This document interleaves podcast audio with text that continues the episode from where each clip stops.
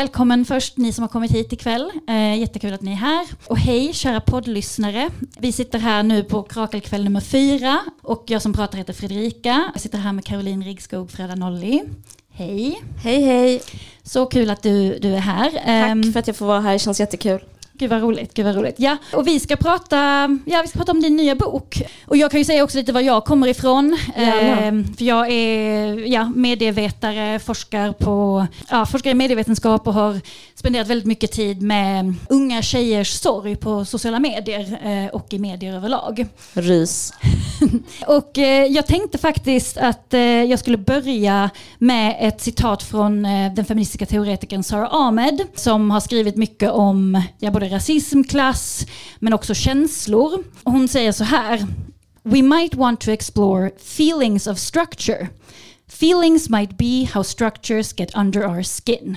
Och jag tycker att det är ett så himla bra citat och att det verkligen förklarar vad du gör i den här boken. För det är liksom, först och främst är det också en väldigt rolig bok. Och, en- och väldigt bra bok, väldigt njutbar.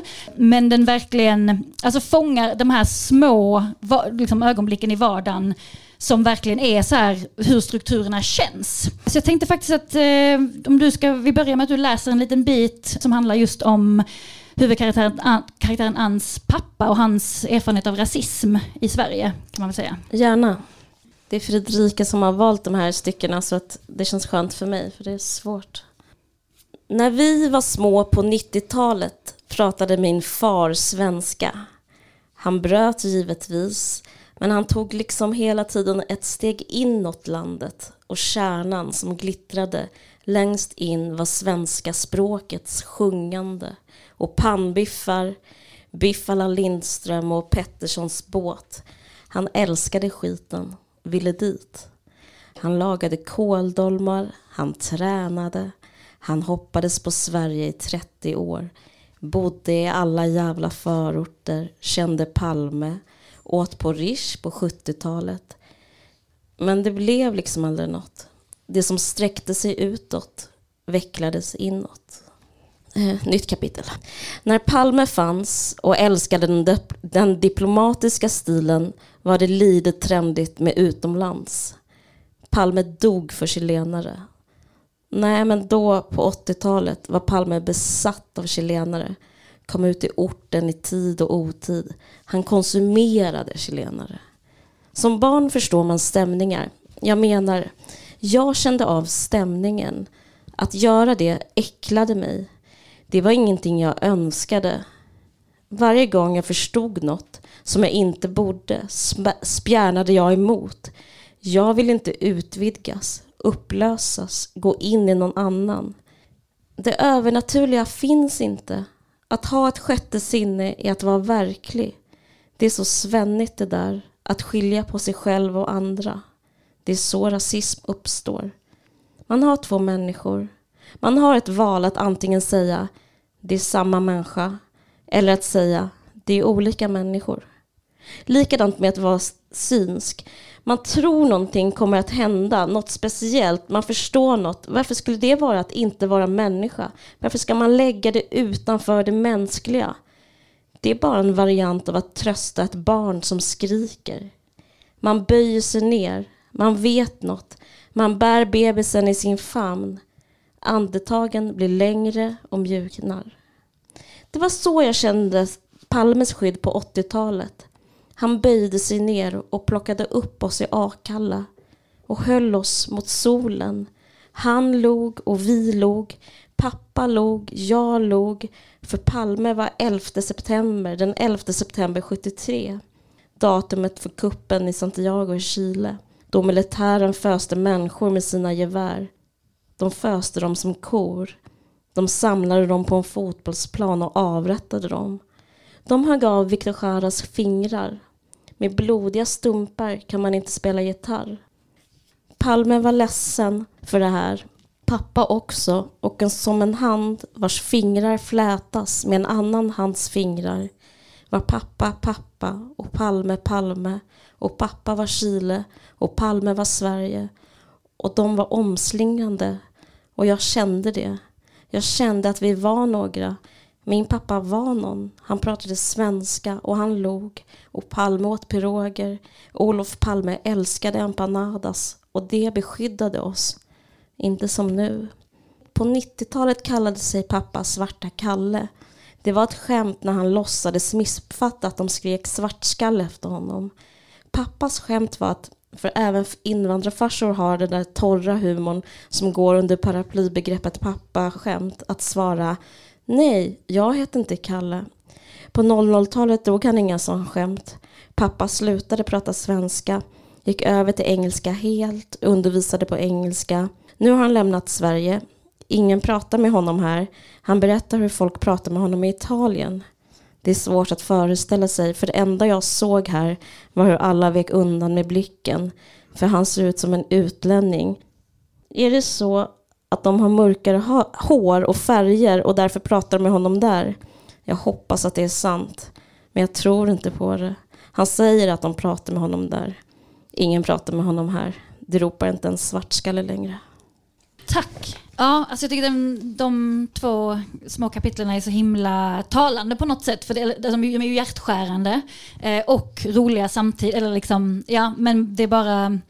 Jag vet inte, vill du berätta lite om hur det kändes att skriva eller vad du, om du tänkte något bakom? Jag känner nu att det är lite sentimentalt. Jag, var, jag vet inte om jag... jag Eh, det var svårt att läsa, okay, eh, för att jag känner mig kritisk. Okay. Jag sentimentaliserar lite den stackars invandrare. Jag vill också säga att han är rasist, den här personen. Okej. Okay.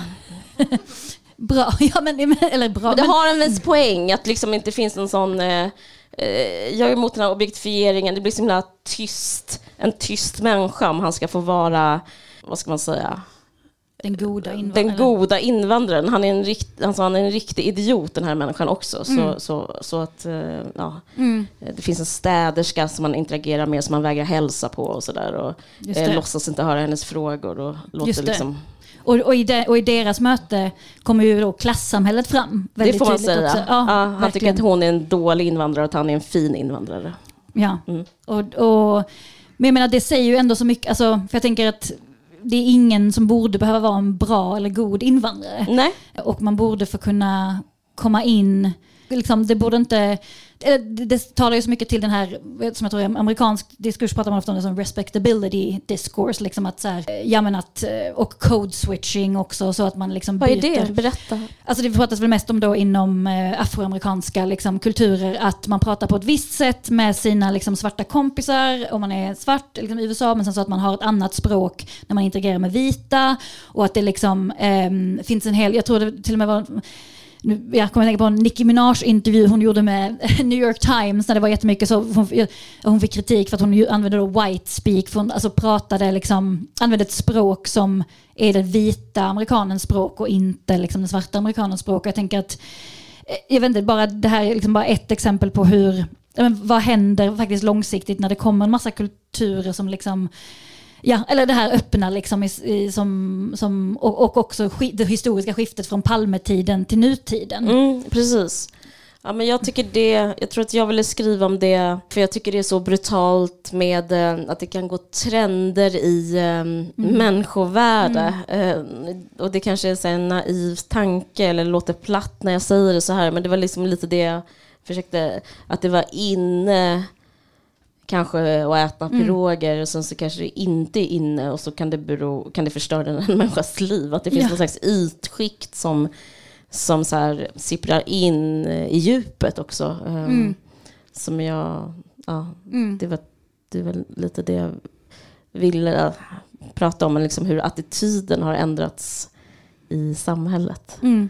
Nej, men jag tycker det är det, det som görs så himla bra i boken är också just nej, men verkligen hur det väldigt ytliga har, har samman med det verkligen riktigt levda livet. Och det är liksom, för Ann har ju också det att hon liksom det är, det är mycket beskrivningar av olika platser. Hon går till restauranger, kaféer, hennes livs, vilken mm. sorts um, kläder. Mm, alltså så här, mm. och att det, det är liksom högt och lågt hela tiden. Mm. Och att de, men att de faktiskt har väldigt mycket med varandra att göra. Uh, och att det är väldigt talande på något sätt. Ja. Nej, och det finns så himla många. Det här var ju bara ett som jag valt just om, som jag tyckte var så här, okej, okay, det här är liksom rasism liksom visas så tydligt på någon slags, ja, klassamhälle, rasism och som du sa där i pappans eh, interaktion med Anns städerska så blir det också tydligt och Anns liksom, reflektioner själv över hennes relation till den här städerskan och det är mm. jättekul, vad är det, det är en scen när hon bara, men eh, hon säger att man kan avgöra om det är, man är medelklass eller överklass om huruvida om man kan vara hemma när städerskan är där. Mm. Och att hon liksom säger att jag kan onanera när vår städerska är där. Och det, tycker, det är liksom, mm. ja, jag vet inte om det är, är det att inte ta Soledad, städerskan, liksom på allvar all som person eller är det liksom att...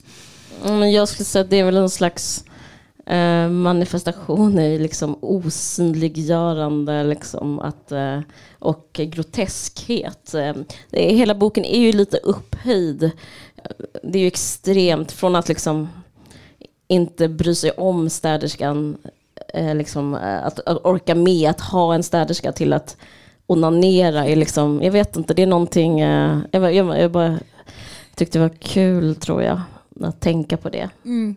Som att hon är verkligen i luft. Ja. Liksom. Mm. Men eh, ja, nej, de behandlar henne riktigt dåligt den där städerskan. Mm. mm men det, det, visar ju också på någonting på klass, klassamhället mycket då. Liksom, vem som... Verkligen, men hon använder ju också städerskan för att använda som eh, eh vad ska man säga, maktmedel mot sina grannar som hon upplever är översittare och, och liksom bättre på att vara medelklass. Mm. Hon försöker liksom lura dem att städerskan är hennes mamma just och det, få sympatier det. via det. Mm. Eh, och sådär. Och det säger då ganska intressant mycket om vad svensk medelklass är jämfört ja. med kanske vad medelklass hade varit i ganska många andra länder där man ja. kanske inte hade skämts för städerskan utan det kanske hade varit mer, och jag har råd med en städerska, har inte du råd med en städerska? Alltså, ja, och, att, och, att, det är liksom hela den delen också där med de här medelklassgrannarna och liksom att det här, alltså, det visar ju på en väldigt svensk, i alla fall för mig väldigt så svensk, så vad innebär det att vara en god ja. Eh, BRF medelklassperson ja. som tar hand om trädgården och städar trapporna själva och liksom tycker att den självgodheten som finns mycket i det svenska liksom, i vissa... Ja. ja, precis. För det handlar inte om pengar överhuvudtaget utan om den positionerande moralen, eller att det är där moralen finns. Liksom. Mm. Och det är ju kul på något sätt. Mm. För det blir så, handlar så mycket om självet på något sätt kanske. Ja, ja men precis. Och det är ju det som är, jag tycker, att boken lyckas med eh, också. Jag tänker vi ska prata mer sen just om så smärtan och vården och allt det. Liksom, men att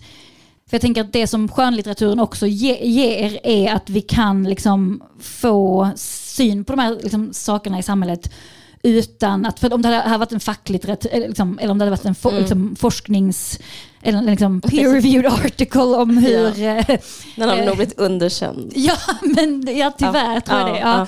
Nej, men, eh, alltså, för, för det är alltid så torr, äh, inte att det är torrt, men liksom, det är liksom en annan så här, någon, någon, det är ju anspråk på någon allmängiltighet och liksom så här, jag tänker att det är mycket, men det som fångas upp i det, när, när det är fokus på självet är ju också alla de här liksom, miniatyrvardags liksom, eh, interaktionerna där strukturerna kommer fram. Ja, um, tack.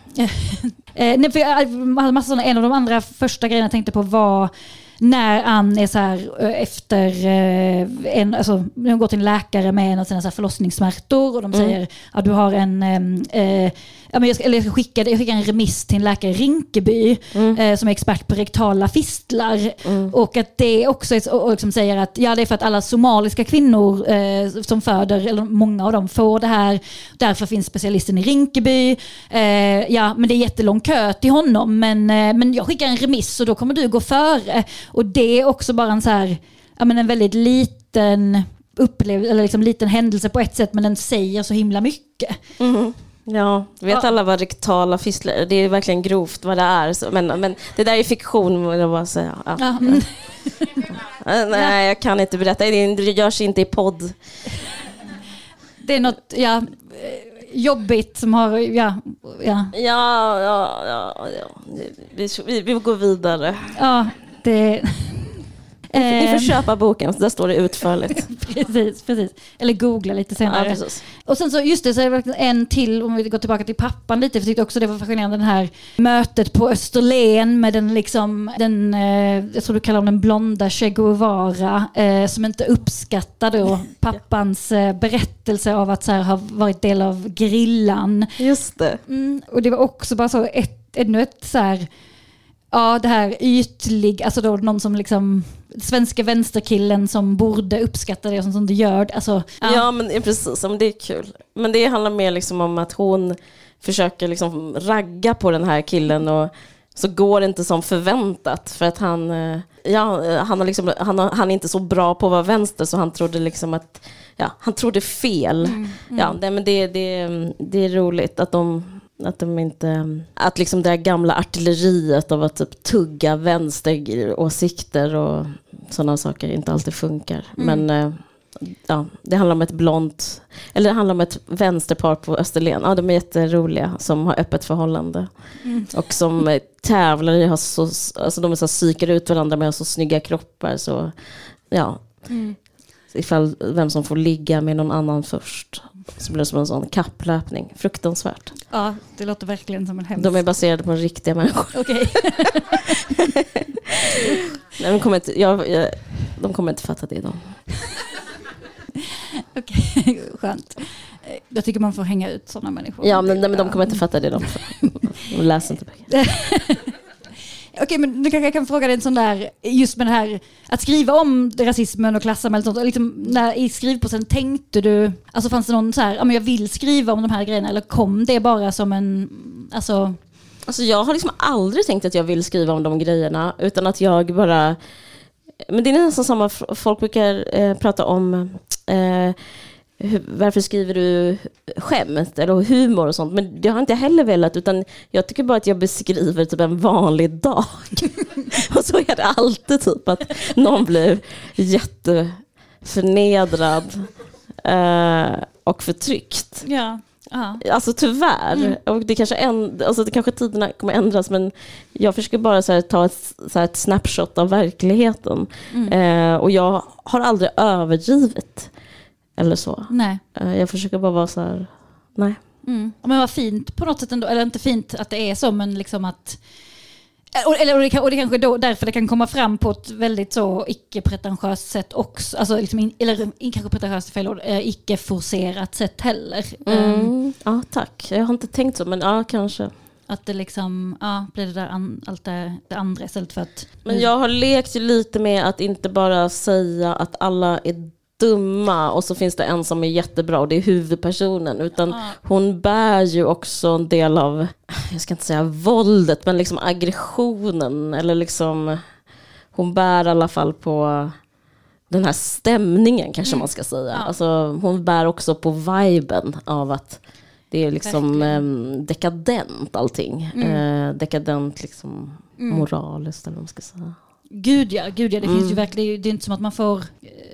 eh, Att hon, det är inte som att Ann går runt och liksom är moraliskt överlägsna alla Nej, alls. nej, nej. En annan grej jag tänkte, eller en känsla, är känns just den här så här för det är också en scen ganska tidigt, tror jag det är, när hon träffar på en gammal kursare på gatan, Sonja tror jag hon hette, som, som är då, visar sig att Sonja då bor på ett härberge och har gått ner sig. Liksom, att, och att Ann så här um, blir väldigt obekväm i den situationen när hon är liksom ute och går på bar- barnvagnen på en väldigt ett fint, en fin del av Stockholm och, och så. Och det jag tycker det liksom, den känslan jag fick av Ann- henne genom boken också är det att ja, hon har det bra nu, men det kan bara slå över så.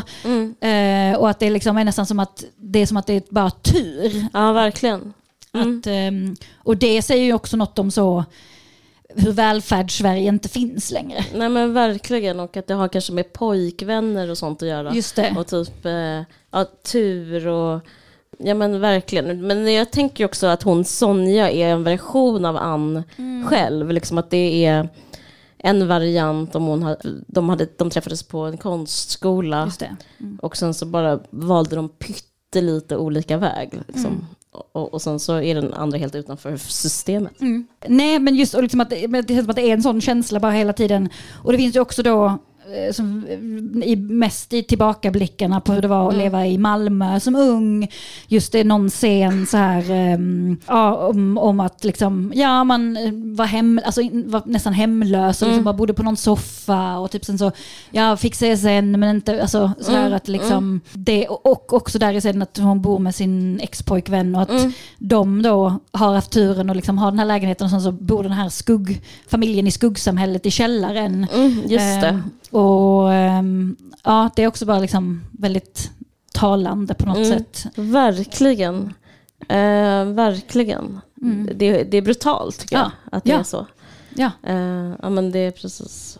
Det handlar om några eh, papperslösa eh, som migranter som bor i huset, alltså i källaren och sen så jobbar de på Golden. Ja, Eh, herregud. Ja. ja. det är vidrigt. Ja. Mm. Men det var också sant, alltså det är någonting som har hänt på riktigt och då liksom är det så himla märkligt att ha den flummiga känslan av att så här, är det här, har det här hänt i mitt liv? Ja, det har det. Och det är en del av verkligheten som är knappt beskriven. Men det är också den eh, grunden som bygger det nu vi lever i. Ja, liksom så att det, liksom, det, det är därför det är med. För att det är, för att, för att det är liksom skriande sant och Ja.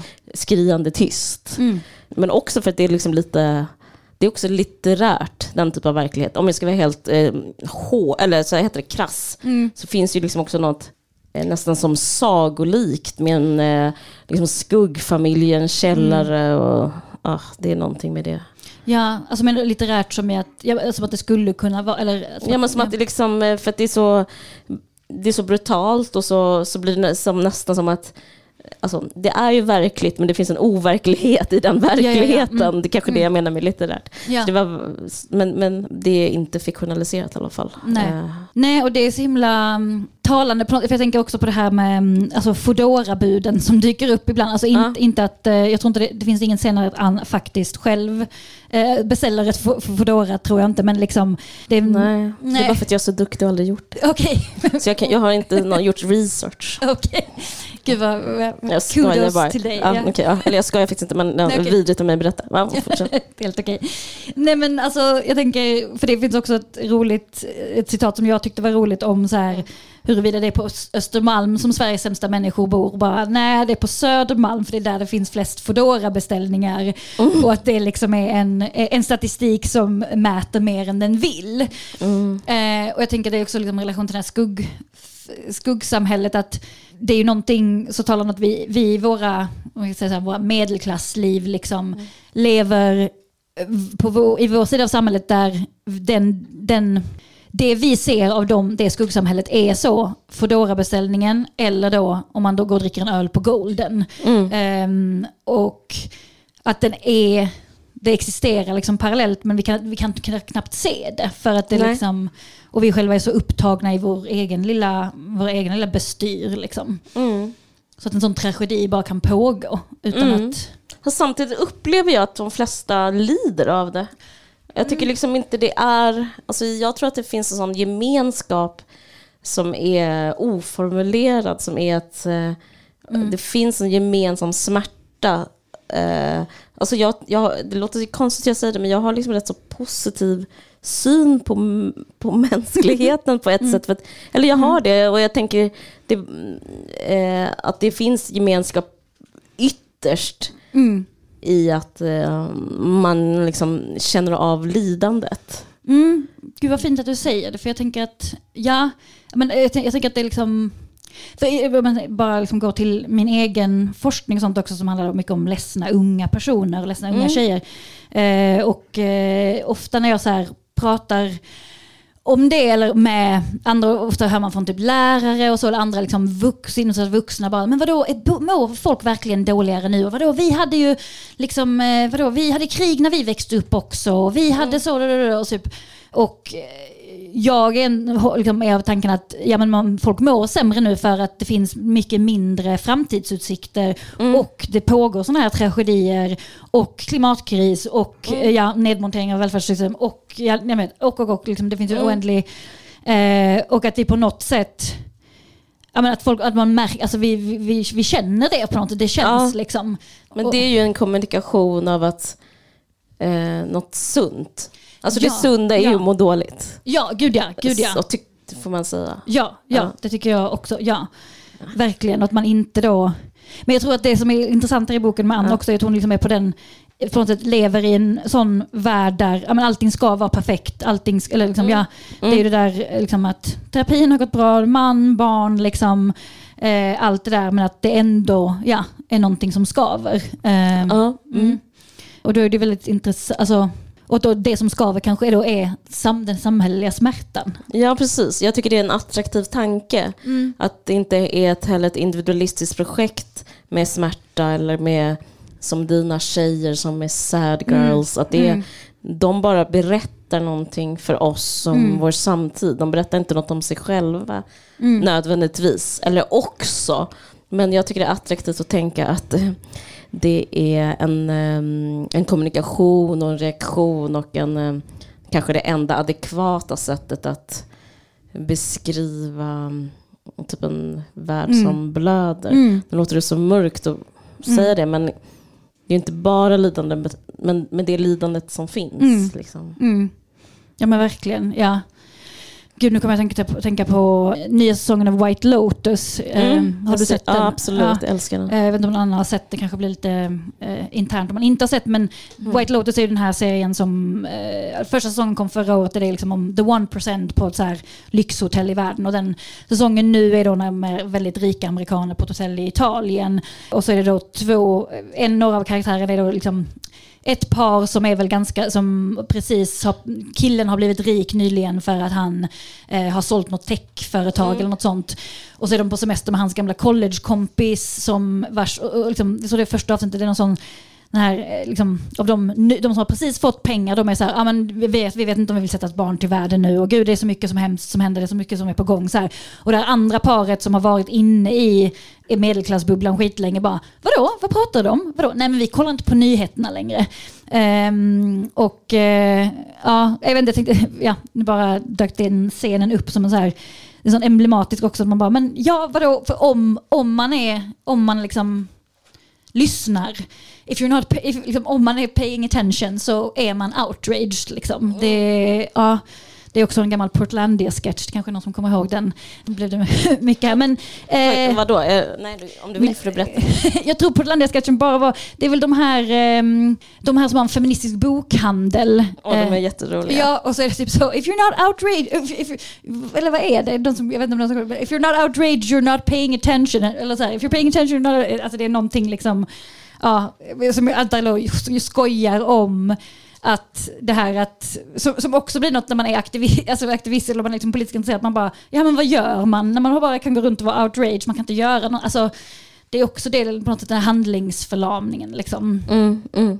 Men ja, jag vet inte om vi ska gå över till smärtan just för att Alltså boken heter ju Det är kroniskt Mm. och eh, liksom på papper, eller liksom direkt så fattar man ju att det handlar om liksom fysisk smärta som huvudpersonen har då. Men sen så, det här kanske är en väldigt enkel så läsning, men det är också, det är ju inte bara smärtan som är kronisk, men det är också klassamhället och rasismen och allt det andra liksom. Och eh, ja, alltså jag bara tänker så här, när du har skrivit, har du, vad har du tänkt på liksom, vad är smärta? Vems smärta är det som liksom spelar roll, som, får, som erkänns? Och, Alltså, jag vet inte, jag tänkte lite på smärta som eh, metafor och eh, språk. Eh, jag tror det var därför det blev så. Att jag tänkte, dels hade jag läst en eh, pjäs som handlar om en, eh, en, en person som heter Sylvia Gelbum som bor i USA under andra världskriget och läser i tidningen om eh, alltså progromen, alltså kristallnatten och så blir hon eh, paralyserad. Hon blir som förlamad. Alltså ju mer hon läser om vad som händer. Så bara jag läste den liksom när jag var 20 år, så började jag läsa den igen. Så jag tycker det, den, den kanske, den det låter övertydligt, men är, den är skrivet, skriven av Arthur Miller. Den, den, den är väldigt bra. Och den är liksom, berättar någonting om eh, den tidens tragedi, liksom, liksom den, den, liksom, det vansinnet på ett väldigt så här, fi, fint sätt.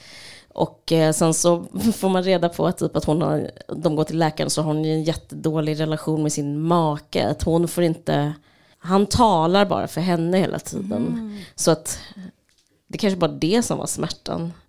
Att eh, det kanske var en eh, protest, eller jag vet inte, det kanske var en, eh, ett sätt att säga nej eller vad som helst.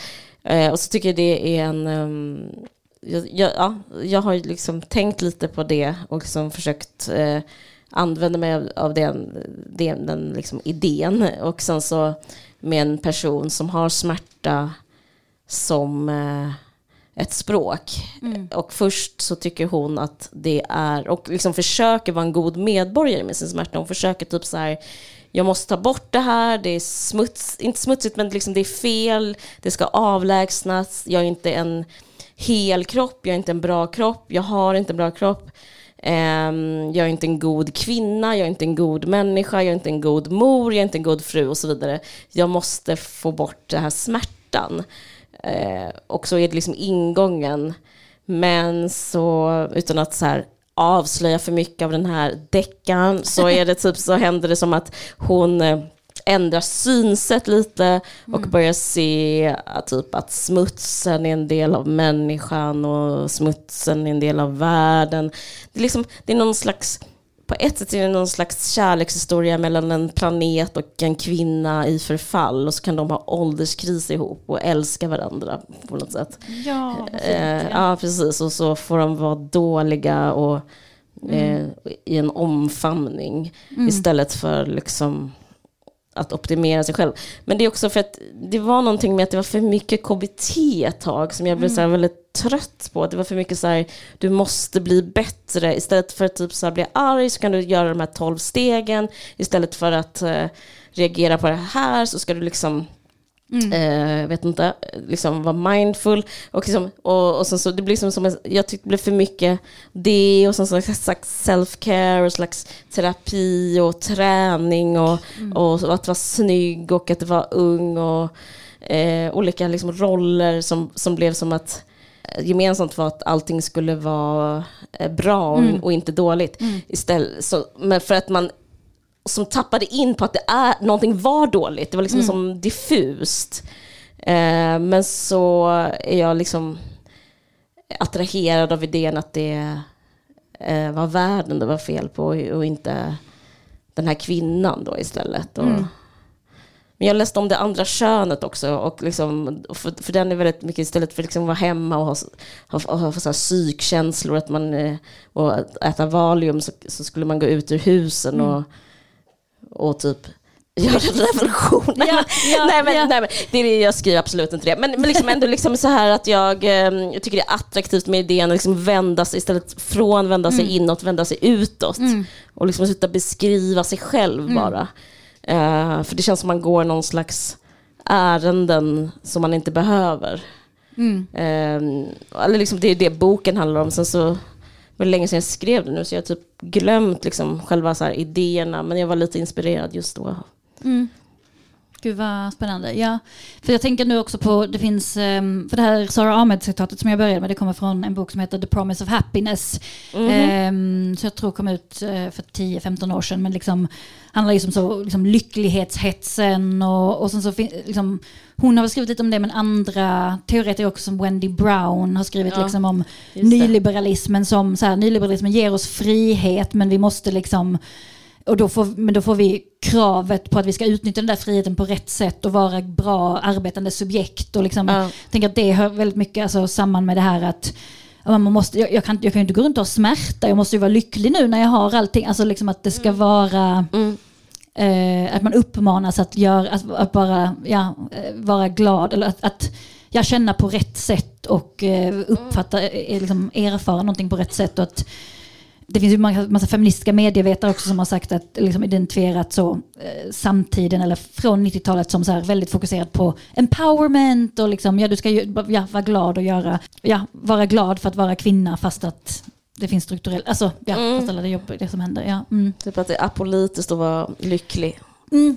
Nej men nästan, nej men ja, lite. Ja, men, li, ja, men faktiskt, ja, alltså, jag, jag vet inte. Jag skojar bara. Nej. Nej. men jag vet inte. Jag vet inte. Ja. Okej, ja, ja. Nej men ändå lite. Alltså, jag, Ja. alltså, Det är lite men vet du vad det är? Det är att jag stör mig på att man ska sköta sig så mycket. Ja, För att det känns som man, man liksom hjälper någon annan som inte hjälper en själv. ja, Alltså det är något som inte funkar. ja. Ja.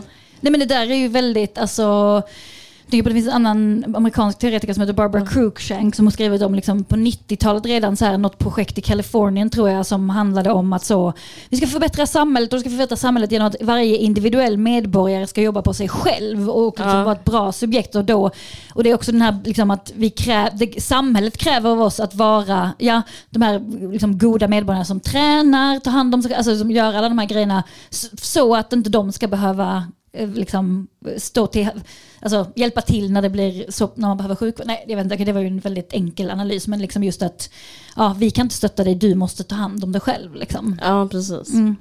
Ska vi gå till den där andra, det där andra som jag tyckte var så himla bra om just eh, eh, nyandlighet och kristaller? Lite. Ja, absolut.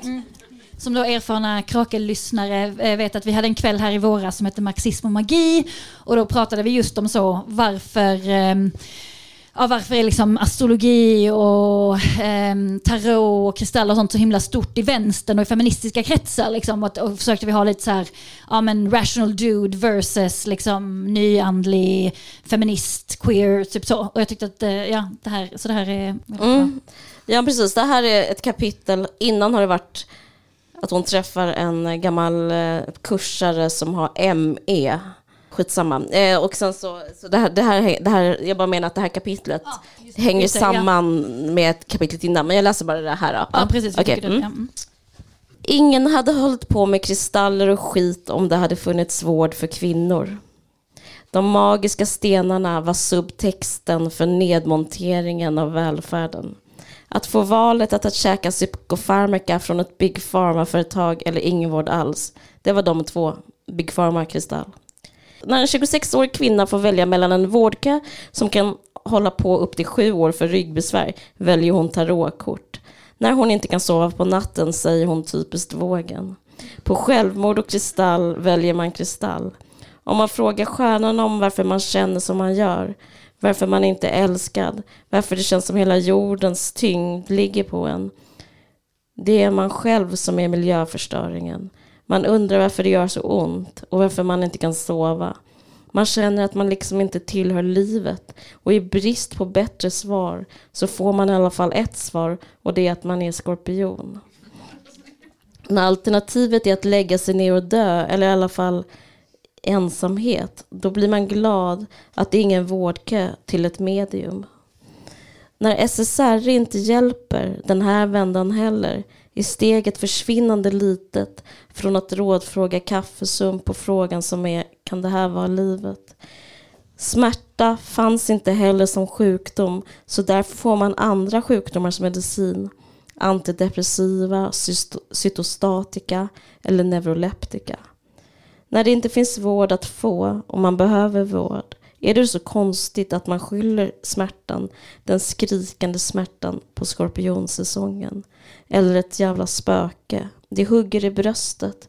Jag kan inte gå, jag kan inte sova, jag kan bara sova. Man frågar stjärnorna och får svar. Kvinnorna vänder sig, om, vänder sig från samhället och mot kristallerna, mot tarotkorten, en spåtant, en siffra, ett tecken och en matchalatte.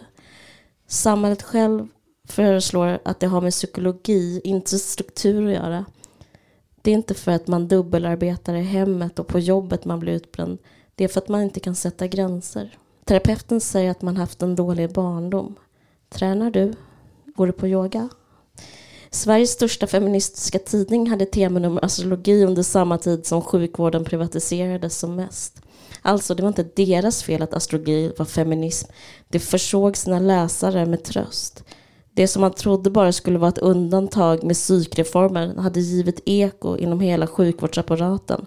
Sånt som man inte ens med fantasin hade kunnat föreställa sig att inte ta för givet. Som förlossningsvård tvingades man se nu med nya ögon. Ögon man inte vill ha på sjukhus. Man började prata om tur och slump som avgörande för hur ens förlossning gick. Ens bästa option var att bli häxa. Det blev coolt att bli häxa. Häxa kom till och med som verb och superlativ. Fan vad häx. Att häxa. Jag menar inte det skrivna ordet kan skapa vibe shift, men det är inte någon tidskrifts fel att istället för revolution så började man tända salvia. Den feministiska tidskriften är nedlagd nu. Numret om astrologi blev sista, tror jag. Det var sista gången jag läste i alla fall. Sorgligt. Mm. Ja, jag tycker, ja. Mm. Varför valde du det här stycket?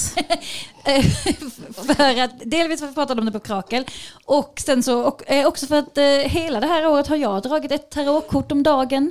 Mm, du har mm. det, vad intressant. Ja, och eh, verkligen eh, känner att eh, Ja, alltså en av mina bästa vänner är astrolog också. Liksom, och eh, det, jag, kan ganska, och på mitt jobb har jag blivit den personen som är så när mina akademikerkollegor bara, det var någon, ja, en, en, en seniorkollega som fyllde år nu i november, jag bara, åh, då är du skorpion. Så här, han bara, nej, eh, vi är vetenskapsmän så det tror vi inte på. Eh, och, eh, alltså det är verkligen, Eh, så, så jag, det talar liksom mycket till mig men samtidigt fattar jag ju att det inte, eller, eller samtidigt håller jag väldigt mycket med om den här läsningen. Liksom. Eh, och jag tycker att det är ja, men så talande det här att ja, man vänder sig till det man kan få tag i när man inte får hjälp på riktigt. Eller liksom, ja, mm. Mm. Alltså jag, och det som vi faktiskt, när vi hade det här samtalet med Marxism och magi, var, här så var det väldigt fint för då kom vi också, fick vi väldigt många inspel från liksom icke-svenska kulturer också där det var så här, bara men hallå vadå liksom, ni, liksom det finns mycket spiritualitet, i andra kulturer som spelar ett, en väldigt viktig roll och liksom, mm. det behöver liksom inte, kanske inte stå i motsats alltid Nej. till Alltså så helt sekulärt så, eh, utan att, och jag, tror, och jag tror att vi alla behöver någon slags spiritualitet eller liksom så att det kan vara mm. något fint också. Men, eh, mm. Mm.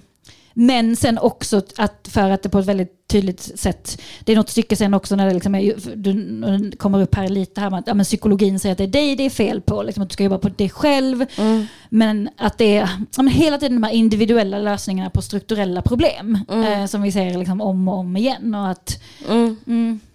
Men jag, jag hängde i rätt så mycket sådana forum för långvarig smärta och så.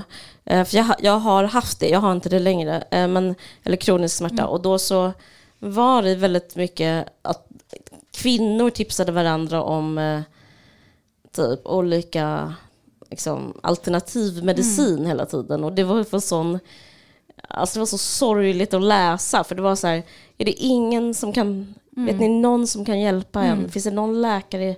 Jag typ, det finns någon i Värnamo? Okej, annars mm. kan du ta... Och så började liksom en lång sån radda om gurkmeja och sånt. Mm. Liksom, som, alltså det var liksom en slags skräck mm. faktiskt. Så här, vård, vårdapparaten skräck. Ja. Nej fy fan, och det, liksom, och det, och det återspeglar ju också typ ett, en annan sexistisk ojämlikhet, att det finns jättemånga ja. kvinnosjukdomar som det inte finns någon forskning om, som man inte vet Nej. hur man ska behandla det bäst med liksom västerländsk medicin, för att det är liksom ingen som har velat lägga pengar på det. Och det är ju också så himla deppigt och orättvist. Ja. Mm. Nej men vi se. Det är väldigt speciellt att se boken så politiskt, måste jag säga. Alltså okay, typ att ja. så här, jag får göra om lite i huvudet för att vara så här, ja för det, fin det finns ju politisk liksom, uttryck. Mm, mm. Men jag skulle ändå i första hand så är den ändå inte politisk. Eh, men, mm. men det är som att du har tagit, jag tycker det är intressant läsning. Okay. Eh, för liksom att du har liksom dragit ur det politiska ja. och liksom, ja vi har ett partiprogram. Alltså det är som att vi har en, men jag har inte tänkt så själv. Nej. Men det, det, är kul att okay, höra. Ja, ja. Det, jag mm, hoppas det känns okej okay att inte Nej, kul. Ja, mm, ja. Det är jättekul. Ja, men det Smickrande väl... faktiskt. Mm, bra, bra. Eh, roligt. Kaffe, just det, jag, jag här under rubriken övrigt då. Kaffe, Café Kagan, tycker det är jättekul också att du beskriver, eh, beskriver då. Finns det på riktigt? Mm, jag satt där idag. Okej. Okay. Mm. Så då är det alltså ett café på Österlen som heter Café Kagan som beskrivs i boken som en kulturell appropriering av sin egen kultur. Mm. Uh, mm, det var väldigt uh, spännande. Jag såg att du la upp något på Instagram också om någon som hade varit så. Jag ser uh, så, exempel på Café Kagan överallt. Ja just det. Ja. Det var någon som hade börjat med Café Kagan som uttryck. Ja. Så Kagan. Kagan, ja. Ja, det, jag tror bara en person. Ja, okej. mm, men ändå, det var väldigt... ehm, mm. ja, just, ja, och sen så har vi inte ens gått in på det här. Det finns ju liksom en man kan säga feministisk läsning också om det här med samtycke som är väldigt Just det, det är intressant. en stor del av boken. Ja, precis. Som ju tycker jag också beskrivs väldigt bra. Och jag har faktiskt för mig att vi pratat lite om det en annan gång. Mm. Om den här boken, vad heter den? Tomorrow sex will be good again. Just det. Mm. Eh, som är en bok som kom ut för ett par år sedan, tror jag, eller ett Mm. eller två år sedan på Verso. Om, vad heter den? Tomorrow sex will be good again. Underrubriken är, vad är det? Desire and consent in the age of me too. Och liksom just så här... hur- Jag är jättepåverkad av den. Ja, Läste den. Mm. det, det, det syndes liksom. Ja. Och, det är så, ja, och, och det är sånt spännande argument för det är liksom en brittisk forskare som tar Eh, gör en analys och hon är så, ja men den här consent, samtyckes, eh, debatt, liksom, eh, eller diskursen säger egentligen, kräver av kvinnor att så här, alltid gå runt och veta exakt vad de vill ha sexuellt, eller vad de gillar sexuellt, vad, de, vad deras gränser går. Men hon säger då att liksom, nej men egentligen en, liksom, ett sexuellt möte är mycket mer en reaktion och liksom mycket mer än det händer i stunden och det är helt absurt att man ska gå och liksom gå runt och bara veta exakt vad man vill i alla situationer och det tycker jag kommer fram mycket i boken också. Alltså din bok. Jag vet, men det, det är en känslig fråga. Men det, jag, jag tror jag ville diskutera lite som att jag upplevde nästan som att det var som ett ytterlighetsförtryck. Att lägga, eller ett ytterlighetskrav att läggas på att man ska vara så en... eh, Inuti en så finns det sån präktig, ja, viktig Petter som kan allt om typ sexuella samlivet som är så här, ja, det här är bra, det här är dåligt, det här är bra, det här är dåligt. Det är som att det blir så, jag tycker det är för mycket att bära som människa. Ehm, eller jag, tycker, jag vet inte om jag tycker det, men det blir som att, om, som i boken, alltså det är, jag skriver inte åsikterna, men det är liksom gestaltat där av liksom ett, ett, det är ett övergrepp och det är ett våldtäkt. Och då söker hon nåd i att få bli den där personen som eh, inte gav samtycke. Mm. Hon, liksom, hon vill bli fri för att hon vill bli eh, alltså hundraprocentigt eh, vad heter det, liksom utsatt för sexuellt, sexuellt våld. Men, men eh, Hon vill då- inte att hon ska, det, det är hon inte hennes fel hon ska inte få den- finnas, Ja. men, men så fort hon börjar liksom vara en, ett subjekt Mm. så blir det som att hon, in, som att hon får skuld. Så det blir liksom, ja, det, det är en diskussion, eller det, det, det, är en, det är en, jag vet inte vad man ska kalla det. Det är en berättelse i boken som Mm. handlar om det. Mm. Den är väldigt eh, stark och väldigt eh, mörk också. Alltså på Ja, liksom, det är den ja. faktiskt. Och som också skulle kunna beskriva varför hon har smärta, Ja, eh, tänker jag. Mm. Jag vet inte. Ja, men okej, men då kanske vi gör så att eh, vi avrundar poddsamtalet och sen så öppnar vi upp för frågor. Så tack alla poddlyssnare eh, och i, ja, då säger jag tack och hej för oss.